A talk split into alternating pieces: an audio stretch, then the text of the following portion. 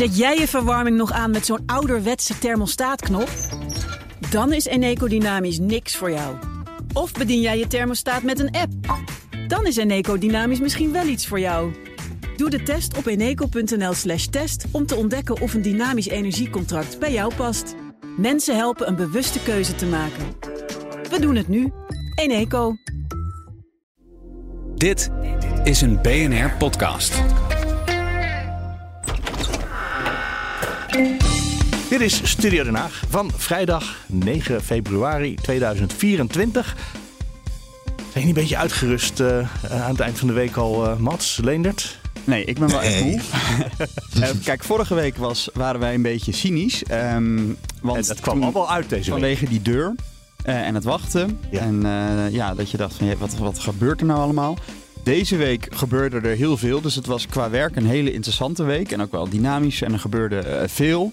Um, dus echt wel veel, ook met adrenaline en zo. Maar het waren lange dagen. Ik was elke keer laat thuis. Moest elke keer weer vroeg in de uitzending. Dus het was, wel een, echt een slopende week. Een van de, de zwaardere, zeg maar. Ja, Mats Akkerman dus in de studio hier in Amsterdam. Met mij, Mark Beekhuis. In de studio in Den Haag zit Leendert Beekman. Um, Leendert, we, waren een beetje cynisch misschien, maar we waren misschien ook een beetje vermoeid. En dat vond ik interessant, want deze week bleek ook Pieter Omtzigt vermoeid te zijn. En ik heb ja. het idee dat niet alleen hij vermoeid was, maar dat de andere mensen aan tafel eigenlijk ook wel een beetje moe zijn. Zeker, dat zag je nog terug in het debat uh, justitiebegroting. Jezus, die even brak toen ze het hadden over uh, ondermijnende drugscriminaliteit.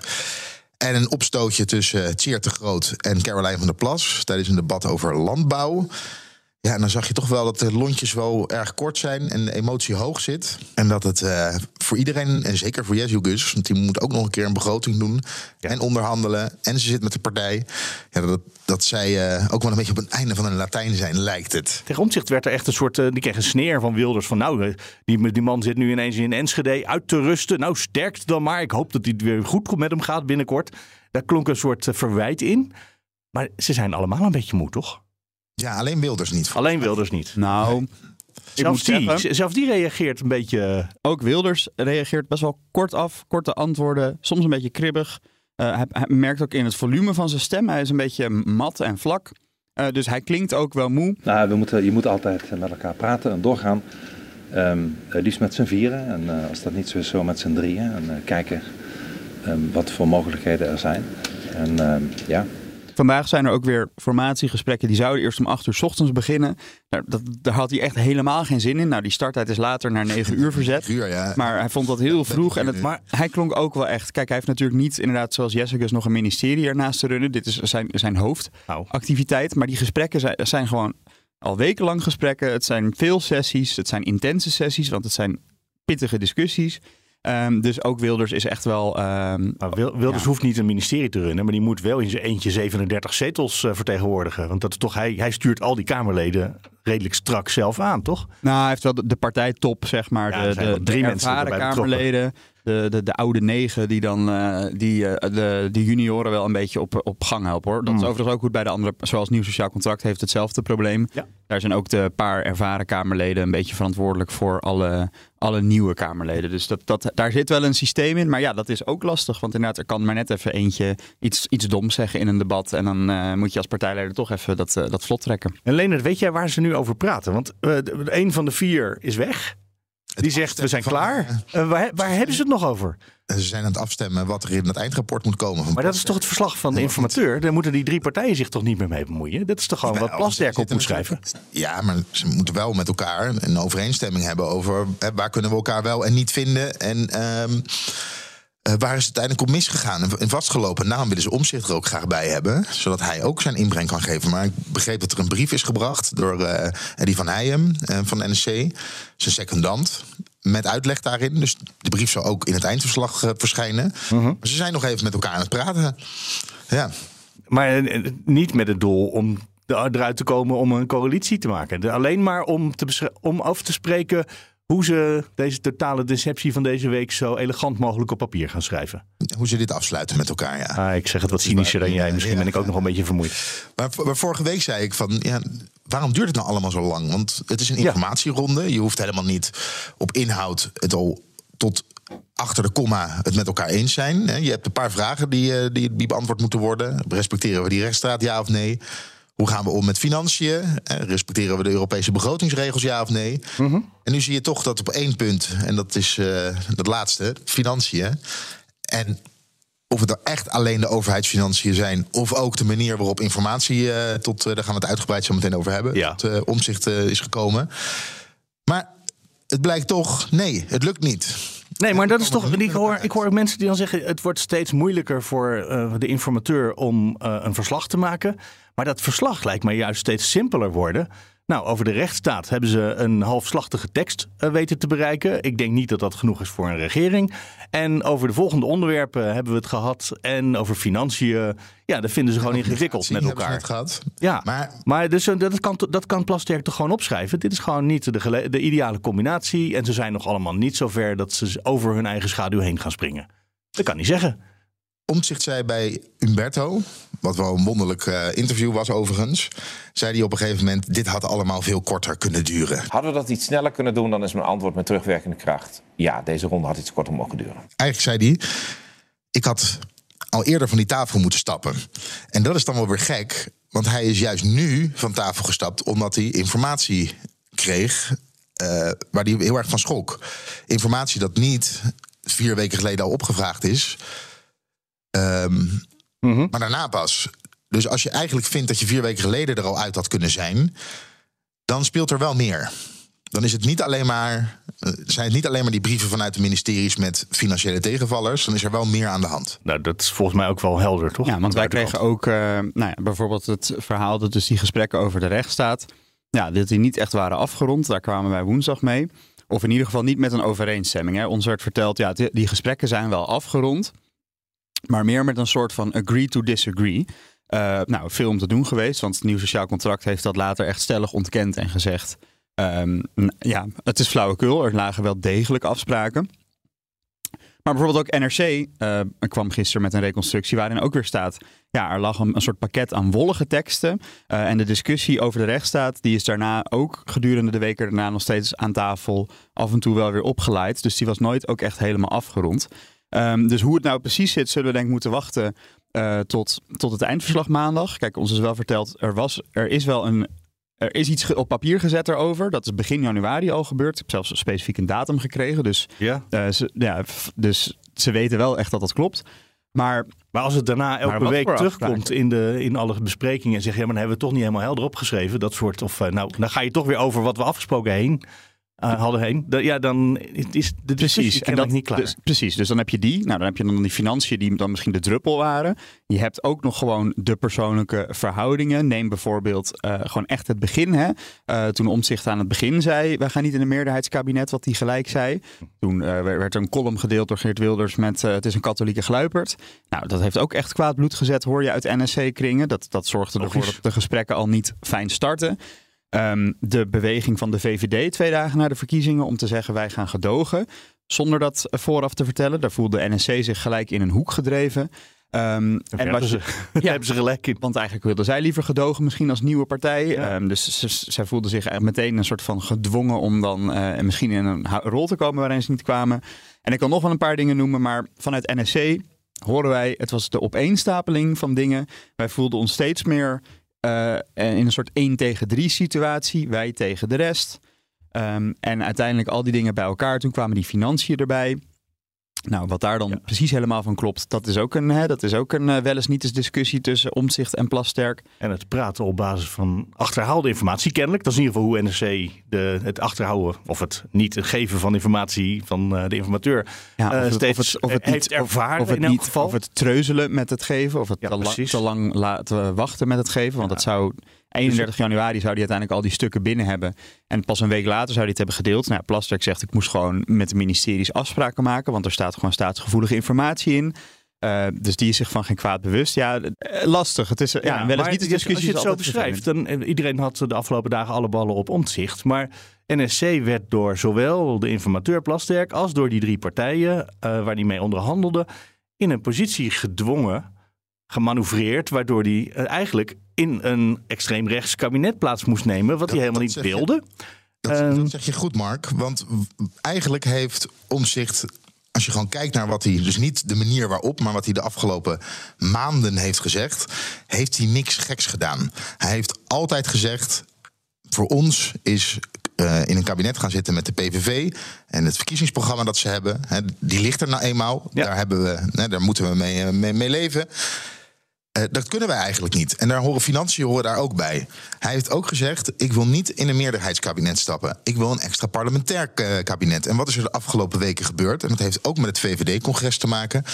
Jezus spreekt zich niet meer uit. Uh, ze zegt niet meer volmondig: wij willen alleen nog maar. Uh, gedoogsteun geven. Ja, die, die heeft een voorzichtige kier opengezet richting toch in het kabinet gaan zitten. Ja, en wat er aan die tafel gebeurd is, want Omzicht wilde natuurlijk al niet in een meerderheidskabinet, maar hij, hij voelde zich op een gegeven moment. Uh, ja. de, werd hij dat kabinet ingeduwd. En hoe langer die gesprekken duurden, hoe meer hij in die hoek kwam te zitten. En uiteindelijk heeft hij voor het hazenpad gekozen. Het hazenpad is een term van Geert Wilders. Uh, dat is een belediging. Waarvan ik ook denk, daar merk je de, de, de, de vermoeidheid van, uh, van hem. Over, uh, over het VVD-congres nog een kleine toevoeging. Ja? Want daar wordt ook dan weer van gezegd dat die uh, kleine subtiele uh, woordenverandering van Jessicus, om dat gedogen niet meer te zeggen en achterwege te laten, dat dat op dat moment uh, daarvoor is gekozen om, om zich weer aan tafel te houden. Omdat er toen al een beetje een moment ontstond dat hij mogelijk wilde stoppen. En dat dit een soort van handreiking vanuit de VVD was. Om daar op dat moment dus even te zorgen dat even de uh, het spel weer eventjes werd. Ja, precies. Zeg ja, maar goed. Ja. dan, want dat is... Ja, maar dat, dat vind ik merkwaardig dat dat een handreiking naar omzicht zou zijn. Want dat zou een handreiking zijn naar een meerderheidskabinet met de VVD erbij. Dan zou hij dat kennelijk willen. Nou, het zou de mogelijkheid openmaken. Uh, openen die nu er ook misschien wel is. Dat omzicht weliswaar gaat gedogen, toch?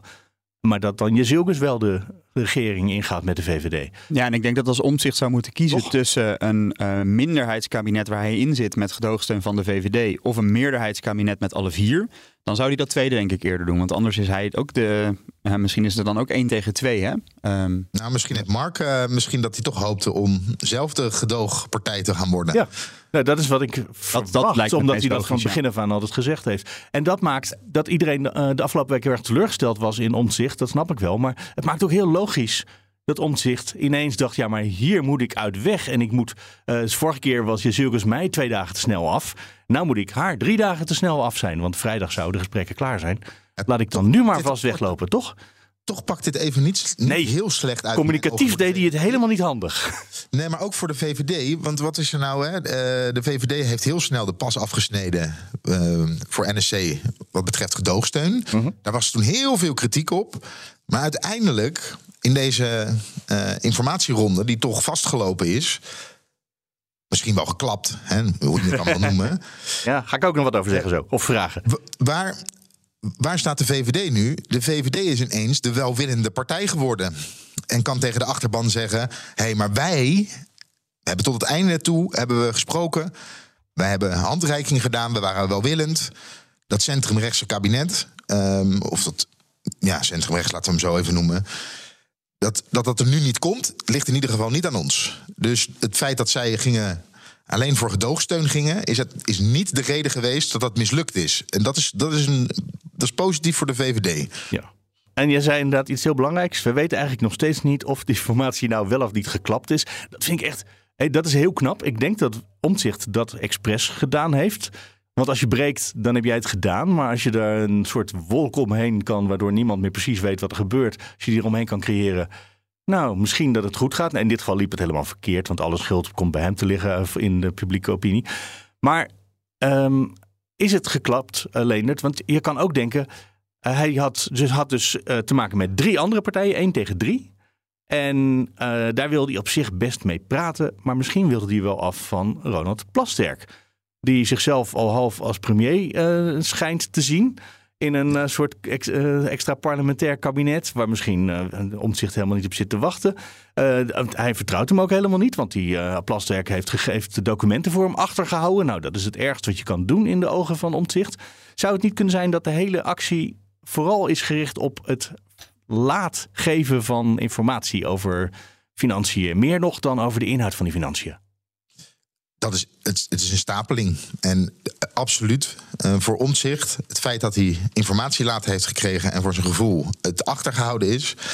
Ja. Dat, eh, ja, dat, dat is voor hem Het hoeft niet eens te, onoverkomelijk. het hoeft ook niet eens te kloppen. Hè? Het hoeft maar alleen maar zo'n gevoel te zijn. En dan eh, verstoort dat de, de verhouding al. Dan waren de verhoudingen ook al daarvoor verstoord. Dus door Twitterverkeer, door, om, door Caroline van der Plas bij Op 1... die zich niet uitsprak tegen Farmers Defence Force... eh, toen ze toch wel ja, dreigende taal richting zowel de minister als een eh, NSC-Kamerlid, Holman, eh uiten. Ja, nou, nou, dat deed Kerla van der Plas niet zelf. Hè? Die, maar ze vond het wel begrijpelijk dat het gebeurde. Ja, dat je, me- dat je Ja, ministers zij- bedreigt. Zij nam daar geen afstand van. Dat, Nee. dat, dat zei ik volgens mij. Ja, oh, oké. Dus ja, er is, er is ehm, het is een stapeling van factoren. Maar dat Maar is eigenlijk wil de- eh, Ja? er al heel lang uit. Wat, mij. Caroline van der Plas deed, was waarschijnlijk het overschrijden van wat er afgesproken was over de rechtsstaat.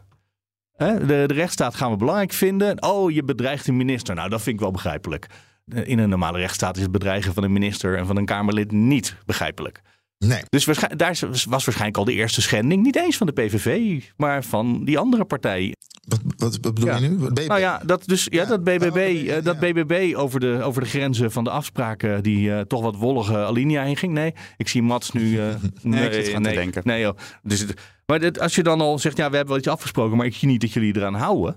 Jullie verdedigen de rechtsstaat helemaal niet. ja. Ook een en dat moment. ook stapeling een keer, zeggen jullie al eh, twee keer. Ja, dat, is, eh, dat zal het ongetwijfeld eh, zijn. De, spreidings, de spreidingswet, hè? het idee om de spreidingswet, in ieder geval dwangelement, niet te gaan uitvoeren in een, in een volgend kabinet, ook dat ja, was voor Omtzigt natuurlijk onbespreekbaar. En Ja. ik denk dat überhaupt dat ter sprake is gekomen voor hem al genoeg is om te zeggen: kom op jongens. We hebben net, Ja. in, in welke vorm dat dan gebeurt, is met elkaar afgesproken dat we die rechtsstaat gaan, gaan respecteren. Er wordt een wet aangenomen. De eerste soort van controversiële wet. Hè, iets waar wij met z'n allen misschien wel, en dat willen we niet. Maar het is wel aangenomen door een democratisch instituut. Hè, de, Ja. de, de Staten-Generaal. En dan gaan we er hierover zitten, zitten kletsen om dat, om dat buitenspel te zetten. Nou, ik denk dat hij, dat hij op dat moment gelijk al dacht: nee, die afspraak over de rechtsstaat, eh, daar vertrouw ik niet meer op. Ik wil nog wel ingaan op twee dingen die je zei. Namelijk de, is het nou geklapt of niet? En hij wil het expres wollig maken. Nou, dat is dus niet het geval. Ze wilden het eigenlijk heel duidelijk maken en ze hadden een plan wat ze gingen doen. Ehm, en dat was een uitgedacht plan. Ze hadden besloten, we gaan een brief schrijven aan onze leden met een duidelijke uitleg waarom we niet in een meerderheidskabinet willen stappen, maar wel nog steeds later weer in de volgende ronde verder willen praten over andere constructies. Maar ze dachten, ja, als we dat verhaal goed willen overbrengen, we willen niet dat dat verhaal in een soort snippets in het journaal terechtkomt. Dus waar moet je dan zijn? De schrijvende pers. Dan kun je je verhaal uitzetten met nuance en eh, duidelijk. Ze hadden twee journalisten uitgenodigd van, het, van de Volkskrant en het AD om langs te komen, zodat hij dit verhaal, ehm, ja, zodat ze het konden opschrijven, dat hij dit besluit kon uitleggen. Eh, dat zou dan tegelijkertijd online kunnen gaan, s'avonds, samen met de nieuwsbrief aan de leden, die dan tegelijkertijd eruit werd gestuurd. Dinsdagavond, 9 uur. Dan zou hij de volgende dag in de Tweede Kamer kunnen komen en dan zou hij tegelijkertijd bij alle pers zijn besluit kunnen toelichten. Wat gebeurde er? Die brief die intern naar de leden eh, gestuurd zou worden, is af. Twintig minuten later wordt er gebeld naar Nieuw Sociaal Contract door de NOS. We hebben hier een brief van jullie Ehm, en we zijn benieuwd of die echt is. Nou ja, dan vragen ze, lees maar even de eerste en de laatste zin voor. En ze denken, ja, jullie hebben dus de brief 20 minuten nadat die eh, is geschreven al in handen. Die is op dat moment in een kleine groep eh, gedeeld, sowieso de fractie en misschien wat medewerkers. Er heeft dus iemand gelekt. Zo snel nadat die is geschreven. De oplossing eh, voor, van NSC is om NOS bij dat gesprek ook uit te nodigen, wat al gepland staat. Ehm, dus Marleen de Rooij van de NOS wordt ook uitgenodigd om deel te nemen aan het gesprek in het hotel. En er wordt afgesproken met de NOS, eh houd alsjeblieft nog een half uur voor je. Dan kunnen wij in ieder geval nog onze communicatie eh, zo, zo ver mogelijk op orde brengen. Ja. Dus in plaats van een hele avond hadden ze nog maar een eh, half uurtje om het goed te fixen. Nou ja, en als nieuwe partij met nieuwe woordvoerders, met ja, veel nieuwe Kamerleden, ging dat gewoon niet goed. Dus op een gegeven moment gaat dat nieuws eruit. Pushmelding NOS, pushmelding AD. En daarom wordt Plasterk en de rest worden pas geïnformeerd via een appje. Want daar Ja, was hij het was, on- was niet de bedoeling dat het gelekt was, Nee, dat snap het ik. was, Het was niet de bedoeling dat het lekte. Het was niet de bedoeling dat het met een appje ging. En toen is besloten, shit, we moeten dit gaan toelichten. Kunnen we nog bij een talkshow aanschuiven? Toen hebben ze Humberto direct gebeld en gezegd... kunnen wij vanavond nog bij jullie aan tafel komen zitten?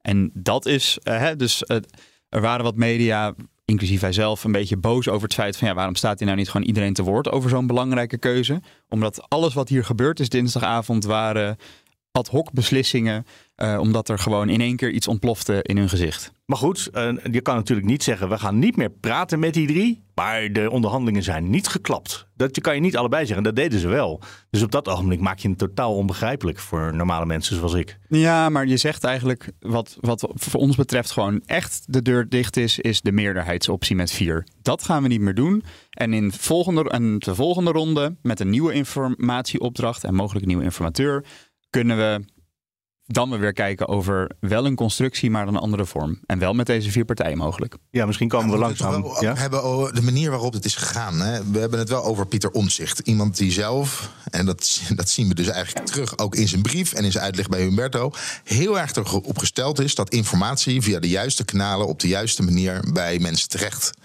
uh, komt. En om eerst naar de pers te gaan stappen. Ook al is het anders gelopen dan dat ze van plan waren. Maar niet de informateur ervan op de hoogte te stellen. En je mede-onderhandelaars maar daar van tafel te vertrekken zonder te zeggen wat je gaat doen. Rechtstreeks naar een hotel om met journalisten te gaan praten. Ja, dat druist tegen alles in waar Pieter Omzicht voor uh, zegt te staan. En ik moest wel lachen om Ronald Plasterk. Want hij zei namelijk dat hij niet persoonlijk geraakt was. Maar het instituut informateur was geraakt en beschadigd. Daar kwam het zeg maar op neer. Dus hij noemde zichzelf uh, een instituut. Ja. Nou, dat is hij ook. Was die, uh, was die, was die wel. Uh, Meer dan één manier. Ja, en dan zie je dat. En dat hebben we het met de PVV ook al over gehad. en dat is over het algemeen. Hoe principiëler je bent, hoe harder je het terugkrijgt op het moment dat je inconsequent bent. En dat zien we nu ook bij, bij omzicht. Want met PV was het natuurlijk zo, ze hebben jarenlang geroepen... alles kan als je het maar wil. En nu, zit, en nu staan ze, moeten ze zelf met het eh, beltje hakken... en is het allemaal veel lastiger. Bij NSC, ja, alles moet netjes via de procedures. Uh, niet eerst de pers informeren en daarna pas... Uh, de Kamer bijvoorbeeld, of een informateur. Dat is als, als, als een andere partij het zo gedaan had... dan had ik de kritiek van omzicht zo kunnen uittekenen... Ja, en nu staat hij, hij, hij krijgt nu veel tegenwind. En dat is heel logisch dat dat uh, gebeurt. Er zit wel één subtiel verschil, als ik eventjes meedenk met uh, meneer Omtzigt. Um, er zijn uh, gezagsrelaties in een rechtsstatelijke verhoudingen tussen het parlement en het kabinet. En de een controleert het andere. En, en nu praat gewoon uh, omzicht met uh, collega's. En dat mag uh, lukken of dat mag niet lukken. En ze mogen eerlijk tegen elkaar zijn of ze mogen vals ja, tegen elkaar zijn. Ze mogen informatie achterhouden. De, de rol van Plasterk is misschien nog een beetje anders. Want die praat namens het hele parlement en vooral het presidium. dus de voorzitter, zeg maar. Maar het is niet helemaal de, de, de verhoudingen zoals je die normaal tussen ministeries en Kamerleden hebt. Hey, de, de uitloop is. Zal ik even naar beneden lopen? Ik zou dat gewoon even doen en kijken wat er gebeurt. Doe uh, live verslag vanaf de roltrap hoe het verder gaat. Ja, dan krijgen we altijd een appje vanuit de Rijksvoorlichtingsdienst. Um, die altijd met Plasterk is, gedetacheerd voor Plasterk. Voor planning, overleg bij informateur bijna afgelopen. Uitloop aanwezige fractievoorzitters coming up. Informateur blijft nog even binnen aan het werk. Oké, okay, dus uh, Leendert die gaat nu als een dolle uh, de grote roltrap af. Die iedereen van televisie kent. En dan... Uh, Oh nee, het is niet, het is niet onderaan de roltrap. Hè? Nee, het is, het is een Noordtrappenhuis moet je dan. En dan inderdaad, het is bovenaan de roltrap. Het is bij de, bovenaan een andere de, roltrap. Ja, precies. Het is, uh, het is niet zo'n ingewikkeld gebouw, maar ik vergis me toch nog af en toe. Um, dan doen we heel even de opname op pauze. En zo gauw Leendert daar is, pakken we de draad weer op.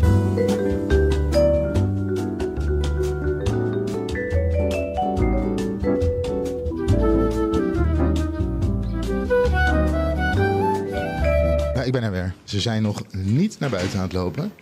Uh, zeg je anders even wat je aan het doen bent, Leendert? Dan pakken we daarmee de draad weer op. Nou, ik ben nu een microfoon aan het uh, ophangen, aan een statief. Oh, ja, er staan altijd bij die draaideur staan altijd twee microfoons. Eentje van BNR en een zwarte, geloof ik, hè? En die zwarte is van ja. iedereen behalve ja. BNR. oh, waarom hebben wij niet die zwarte dan? Ja. Omdat die gaat naar een uh, camera. Moet... En dat is een poolregeling van de, de drie uh, van NOS, RTL, SBS. En die betalen daar natuurlijk ook allemaal voor. Oh, en wij betalen niet, wij zetten zelf een microfoon neer. En bovendien is het handiger dat wij ons eigen geluid snel kunnen uploaden. Want we moeten vaak kort nadat er dingen gebeuren live. Dus het is, uh, uh, ja, We de eerste dag deden we nog eh, dat dit begon met het formatiegebied echt met onze uitgestoken hand die microfoon ophouden. Dat is best vermoeiend als mensen hier lang te woord staan en er komen heel veel mensen het in en uit. Ja. Toen heb ik ons microfoonstatief gevonden in ons hok. En toen heb ik dat ding eventjes eh, daar, daar klaargezet. En dat, eh, ja, dat staat daar nu permanent. Dus eh, het is wel leuk met alle kranten dat je dan altijd eh, dat gele BNR-ding eh, ziet. Ja, en eh, hij staat nu ook weer paraat, uh, Leendert. Ja, en dan heb ik hem op record gezet. Kan ik even een beetje afstand van de collega's nemen om eh, gezellig met jullie door te kletsen. Want staat daar nu een hele scrum Want waren we collega's al? eigenlijk? Ja, het valt mee. Ik zie RTL uiteraard, NOS, Telegraaf, SBS. Cor van het FD is er. Rick Rutte van eh, NRC. En het A- En de verbinding met de Tweede Kamer is een beetje brokkelig. Eh, en dat heeft er alles mee te maken, want nu is Leonard weer even offline. Heeft er alles mee te maken dat het een totaal betonnen pand Nee, is. met een cameraman. En dat is bijna Nee, niet goed weggevallen. met wifi eh, te regelen. Maar we gaan toch proberen het vol te houden. Al was het maar omdat jij daar even moet blijven staan. Wat is eigenlijk je belangrijkste vraag zometeen eh, die je aan de mensen gaat stellen? Nou, ik ga, we gaan zo meteen vragen hoe nu verder. Hè? De vraag die jullie ook hebben.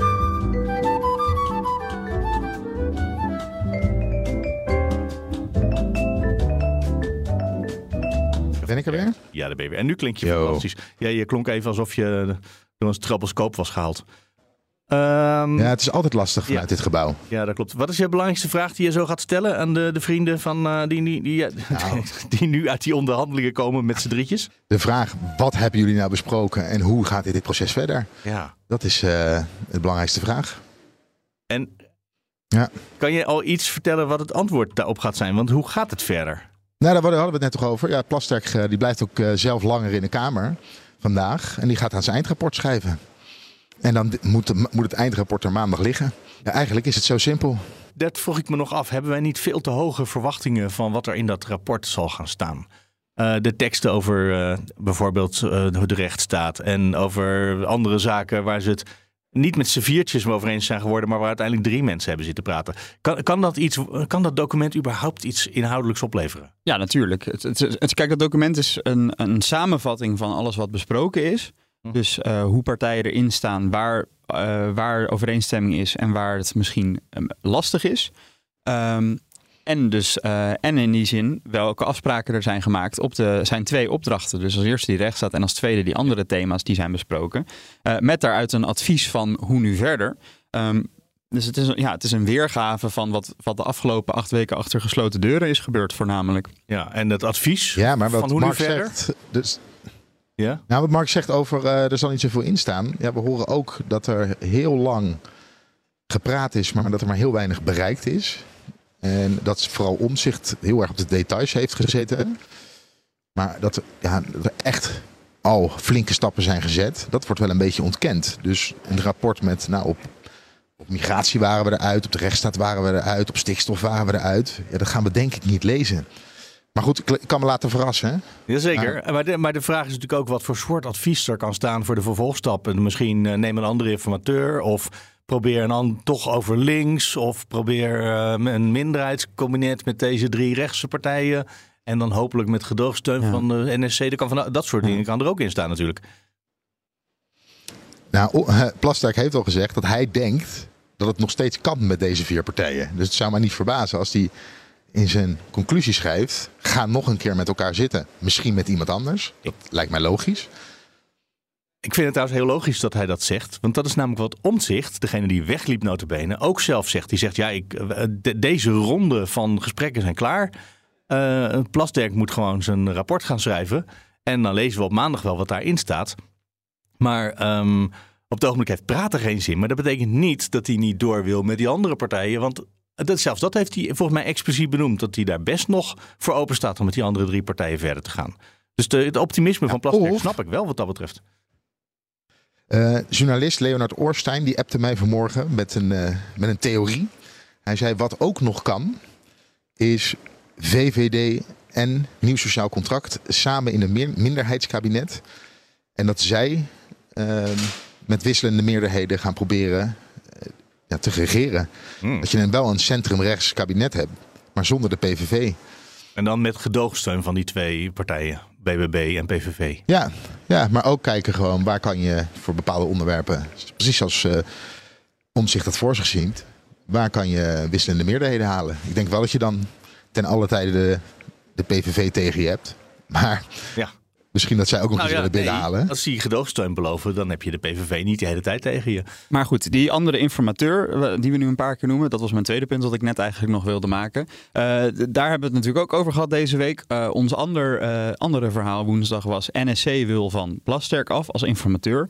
We hadden natuurlijk wel al hints, hè, want maandag. ehm, nou, maandag kwam dat, eh, of dinsdag kwam het verhaal met eh Plasterk hield informatie over de overheidsfinanciën achter. Al dus omzicht. Plasterk zei letterlijk, dat is een beetje flauwekul. Nou, dat is al niet heel lekker. Plasterk werd geïnformeerd voor een appje. Later deze week zegt hij, eh omzicht heeft niet respect voor het instituut informateur.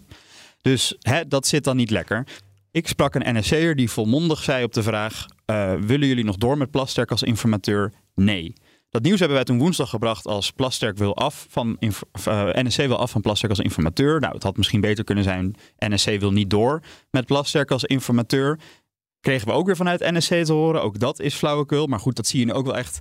Eh, ook weer snippets informatie in andere media. Hè. Bij het AD stond inderdaad het verhaal dat er bij NSC zorgen zijn over dat Plasterk premier zou willen worden.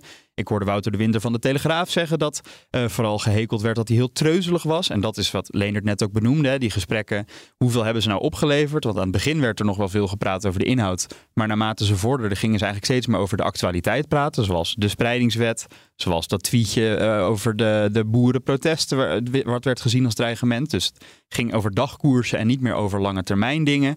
Ehm Nieuwsuur had gisteravond ook eh, weer het verhaal van, eh, nou, niet meer met Plasterk. Ehm, daar, da- bij een volgende ronde, zeg maar. Dus ja, we hebben dat nieuws woensdag misschien iets te stellen gebracht. Maar het klopte wel. Maar ik denk wel dat als ik zo eh, kijk wat, ik- wat ik nu bij iedereen hoor. Ehm, dat Plasterk inderdaad niet in het advies komt te staan voor de volgende ronde. Uiteindelijk is dat aan Wilders. Hè. Wilders moet een advies doen als grootste partij met voor de volgende ronde stellen wij deze informateur voor met, eh, met de- deze opdracht.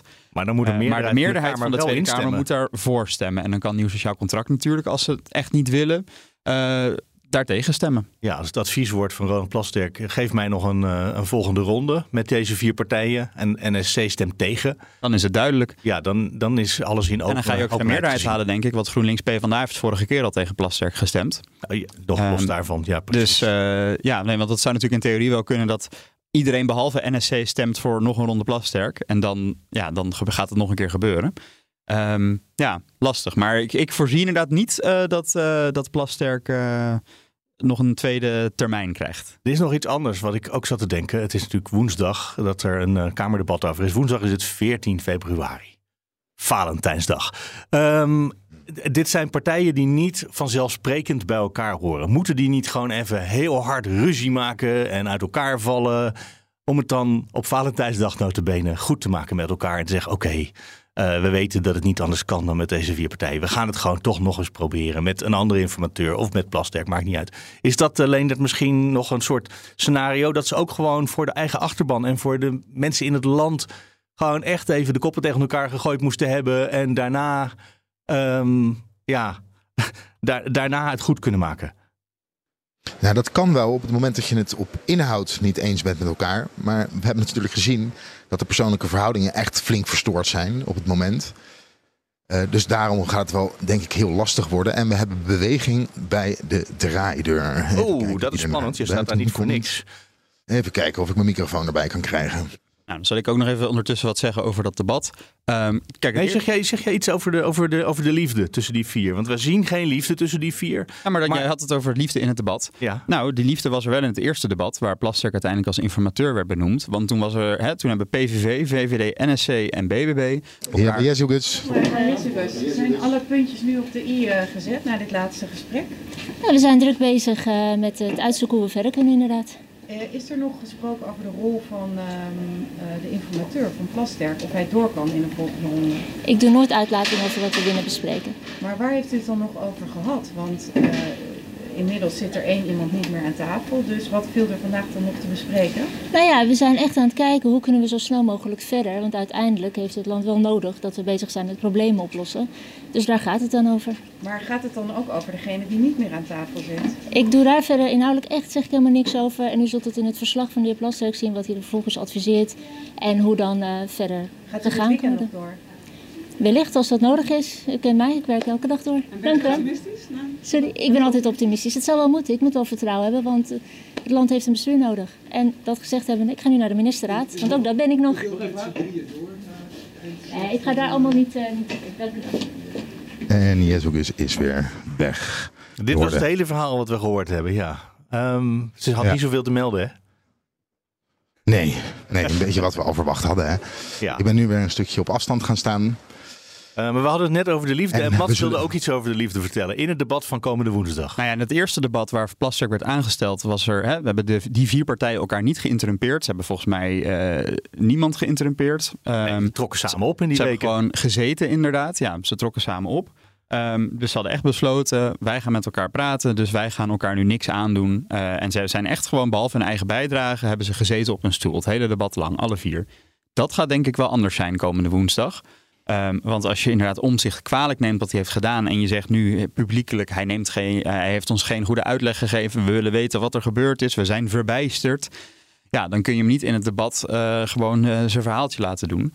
Omzicht zal daar zijn keuze gaan motiveren. En dan zal, zal, zal misschien publiekelijk de discussie die achter gesloten deuren plaats heeft gevonden eventjes eh, zichtbaar worden. En zou het echt totaal onbegrijpelijk zijn voor die andere drie dat eh Omtzigt dacht, nou we zijn wel klaar. Ik kan me dat eigenlijk niet voorstellen. Je zit wekenlang en wekenlang over allerlei dingen te praten en op een gegeven moment heb je heus wel een idee wat die Nee, andere nee, ze bedoelt. voelde het ook, aan, ze het ook aankomen. Hè. Dat, eh, Nou, precies. Dus waar zit die was er vaker het idee van, gaat hij weg? Ook toen hij dinsdag uiteindelijk vertrok bij dat overleg op het ministerie van Justitie, vroegen de andere drie zich af, zou hij nog terugkomen? Zou er wat aan de hand zijn? Hè? Toen zei hij, ik heb even rust nodig.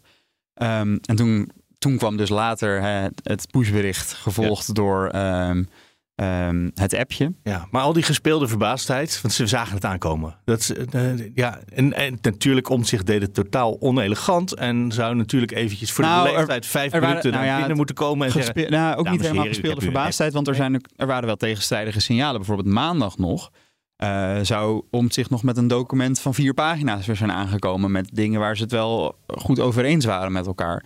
En de heer Wilders. Meneer Wilders, was dit het Ja. eh, laatste gesprek met z'n drieën? Nou, we hebben, eh Caroline, we hebben een goed gesprek gehad. Ehm, en ehm, we gaan eh, het weekend door op eh, maandag. Eh, en meer heb ik eigenlijk niet eh, eh, te zeggen nu, dus daar zult u het mee moeten We doen. gaan maandag door, dan, dan zou het rapport er toch liggen maandag? Ja, in de middag, maar we zien elkaar eh, maandag overdag nog. Ehm, eh, maar we hebben nu een goed gesprek gehad, we gaan maandag verder en ik wens u allemaal een eh, heel Is goed... er nog gesproken over de positie van Plasterk, of hij door zou kunnen in de volgende ronde? ik wens u allemaal een heel goed weekend. Dank u wel. Dank u wel. Op maandag wordt er verder gekletst. en dan eh dit moet vind er in de middag het onverwachte rapport wending. liggen. Onverwachte wending dit. Ja, Wat op, in, het, in de middag ligt dan het rapport eh, op tafel. want ze zouden vandaag op deze vrijdag klaar moeten zijn met praten, zodat Plasterk in het weekend zou kunnen schrijven. En dan kan op maandag het rapport naar de Kamer. En nu zeggen ze, ja, ik ga in het weekend wel schrijven, maar op maandag gaan we nog praten en dan gaan we het hele rapport nog een keer herzien. Ja, ik heb geen idee. Ja, het, is, het het is een, eh, het is een Ja, wonderlijke wending. Ik vind ook, ze gaan lang door hoor. Het is, ik zou inderdaad ook nu wel zeggen, nu weet je het misschien wel. Aan de andere kant kan het natuurlijk ook een heel korte sessie zijn. Dat Plasterk het weekend gaat schrijven. Maandag heeft hij het af. En dan gaan zij er nog één keer naar kijken om te kijken, kunnen wij ons hierin vinden Ja. wat hier staat. Ze hebben vandaag op deze vrijdag ook nu uiteindelijk maar anderhalf uur met elkaar kunnen praten. En dan heb je nog een kwartier tot twintig minuten om af te stemmen wat Maar je ik denk dat Jesse ook eens buiten naar de ministerraad moet. Ja, precies. Dus dit was ook een korte sessie. Zeker. Ja, ehm, sowieso was er weinig tijd om te spreken natuurlijk deze week. Want mevrouw Jessicals moest ook nog een begroting eh, verdedigen in de Tweede Ja, Kamer. dus het waren korte sessies. Was, is Caroline van der Plas met Wilders meegekomen of eh, is die nog binnen? Oké, dus die verbinding is kwijt. Dat, eh, maar dan gaan we nu, denk ik, weer gewoon naar Studio Den Haag. Gewoon kijken of Leonard daar inmiddels is.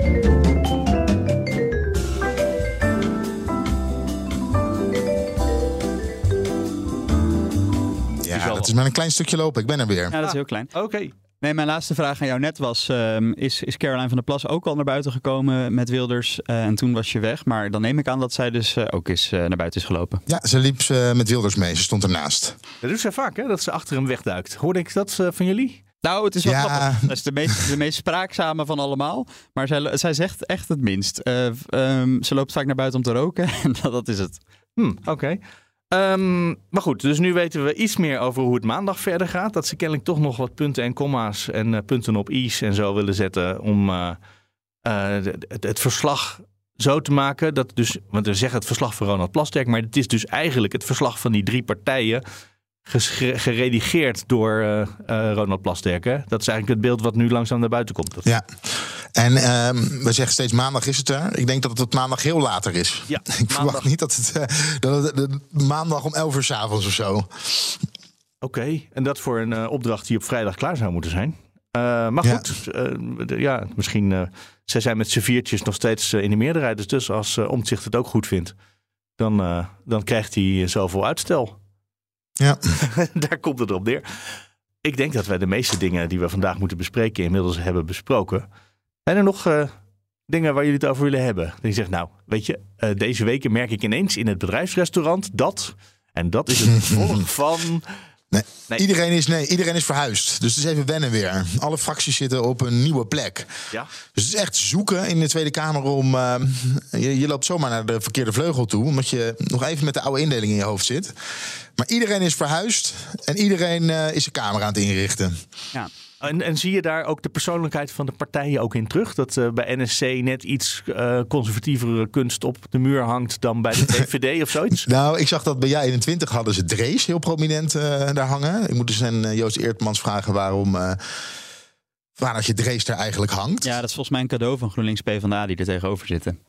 Ah, Het is een beetje een, eh, Ah, dat is om aardig elkaar te sarren. Ja. Ja. Ja, en wat, we, wat ik ook wel eh, je humor vond, is dat ze de twee partijen die opkomen voor dieren of de agrarische sector, dus BBB en Partij voor de Dieren zitten in dezelfde gang. Vond ik ook wel weer, eh, wel weer geinig. Ehm, Maar, die, die zouden elkaar best vaak moeten vinden, toch? Denk je dan altijd? Gaan allebei over dieren. En, en de. PVV in de buurt dan ook nog, eh, want uh, Dion Graus.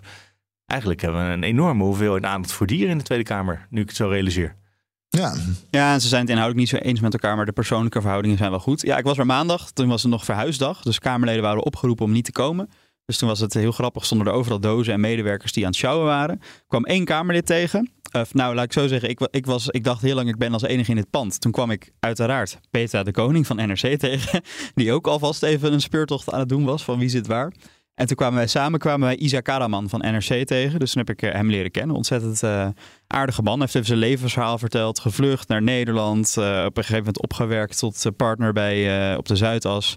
En nu om iets terug te doen voor het land de politiek ingegaan. Best wel een mooi verhaal. Misschien leuk om ooit eens een keer uit te nodigen. Maar, um, maar nu, en ik was uh, gisteren nog even gaan kijken van wat, hoe is het nou geworden? Want uh, hè, maandag zat alles nog in dozen, zeg maar. Nou, je ziet vooral dat de nieuwe partijen, dat is nog heel steriel. Hè? Dus de PVV-verdieping, de vierde, dat is echt nog een soort van grijze kantoorbox. Daar staan tafels en stoelen. Maar er hangt nog weinig aan de muur. Dat is echt nog. Daar hebben we natuurlijk super veel nieuwe Kamerleden. Bij NSC is dat ook wel zo. Uh, bij andere partijen zijn alle planten en posters zijn alweer uitgepakt. Hè. Het CDA is alweer Lubbers en Van Acht. En uh, weet ik van wie allemaal op de gang aan het Balkende. hangen. Dus uh, ja, Balkende, ja. Balkende 1, 2, 3 en 4. dus uh, ja, dus daar is het al wat gezelliger. Maar die andere partijen zullen dat vast ook. Je moet er nog een beetje kleur op de wangen krijgen. Ook voor zichzelf, kennelijk. Ja, precies. Ja. Oké. Okay, en ik zal uh, in het weekend uh, af en toe eventjes langs het huis van Plasterk lopen om te kijken of het licht nog brandt en of hij tot laat uh, aan het schrijven is, want hij woont twee straten verderop. Dus okay. het klinkt heel stalkerig, maar ik loop regelmatig langs zijn huis. sowieso daar langs, ja. Ook al voordat hij informateur was, ja. Oké, okay.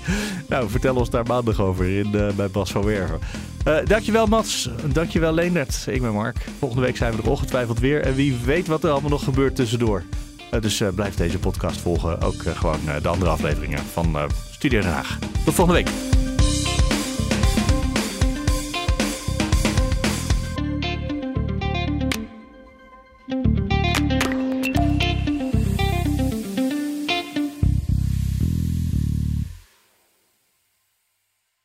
Jij elke woensdag lasagne omdat het zo lekker makkelijk is? Dan is Eneco Dynamisch niks voor jou.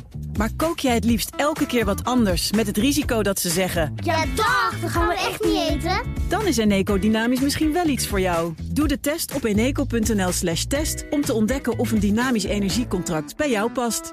Mensen helpen een bewuste keuze te maken. We doen het nu. Eneco.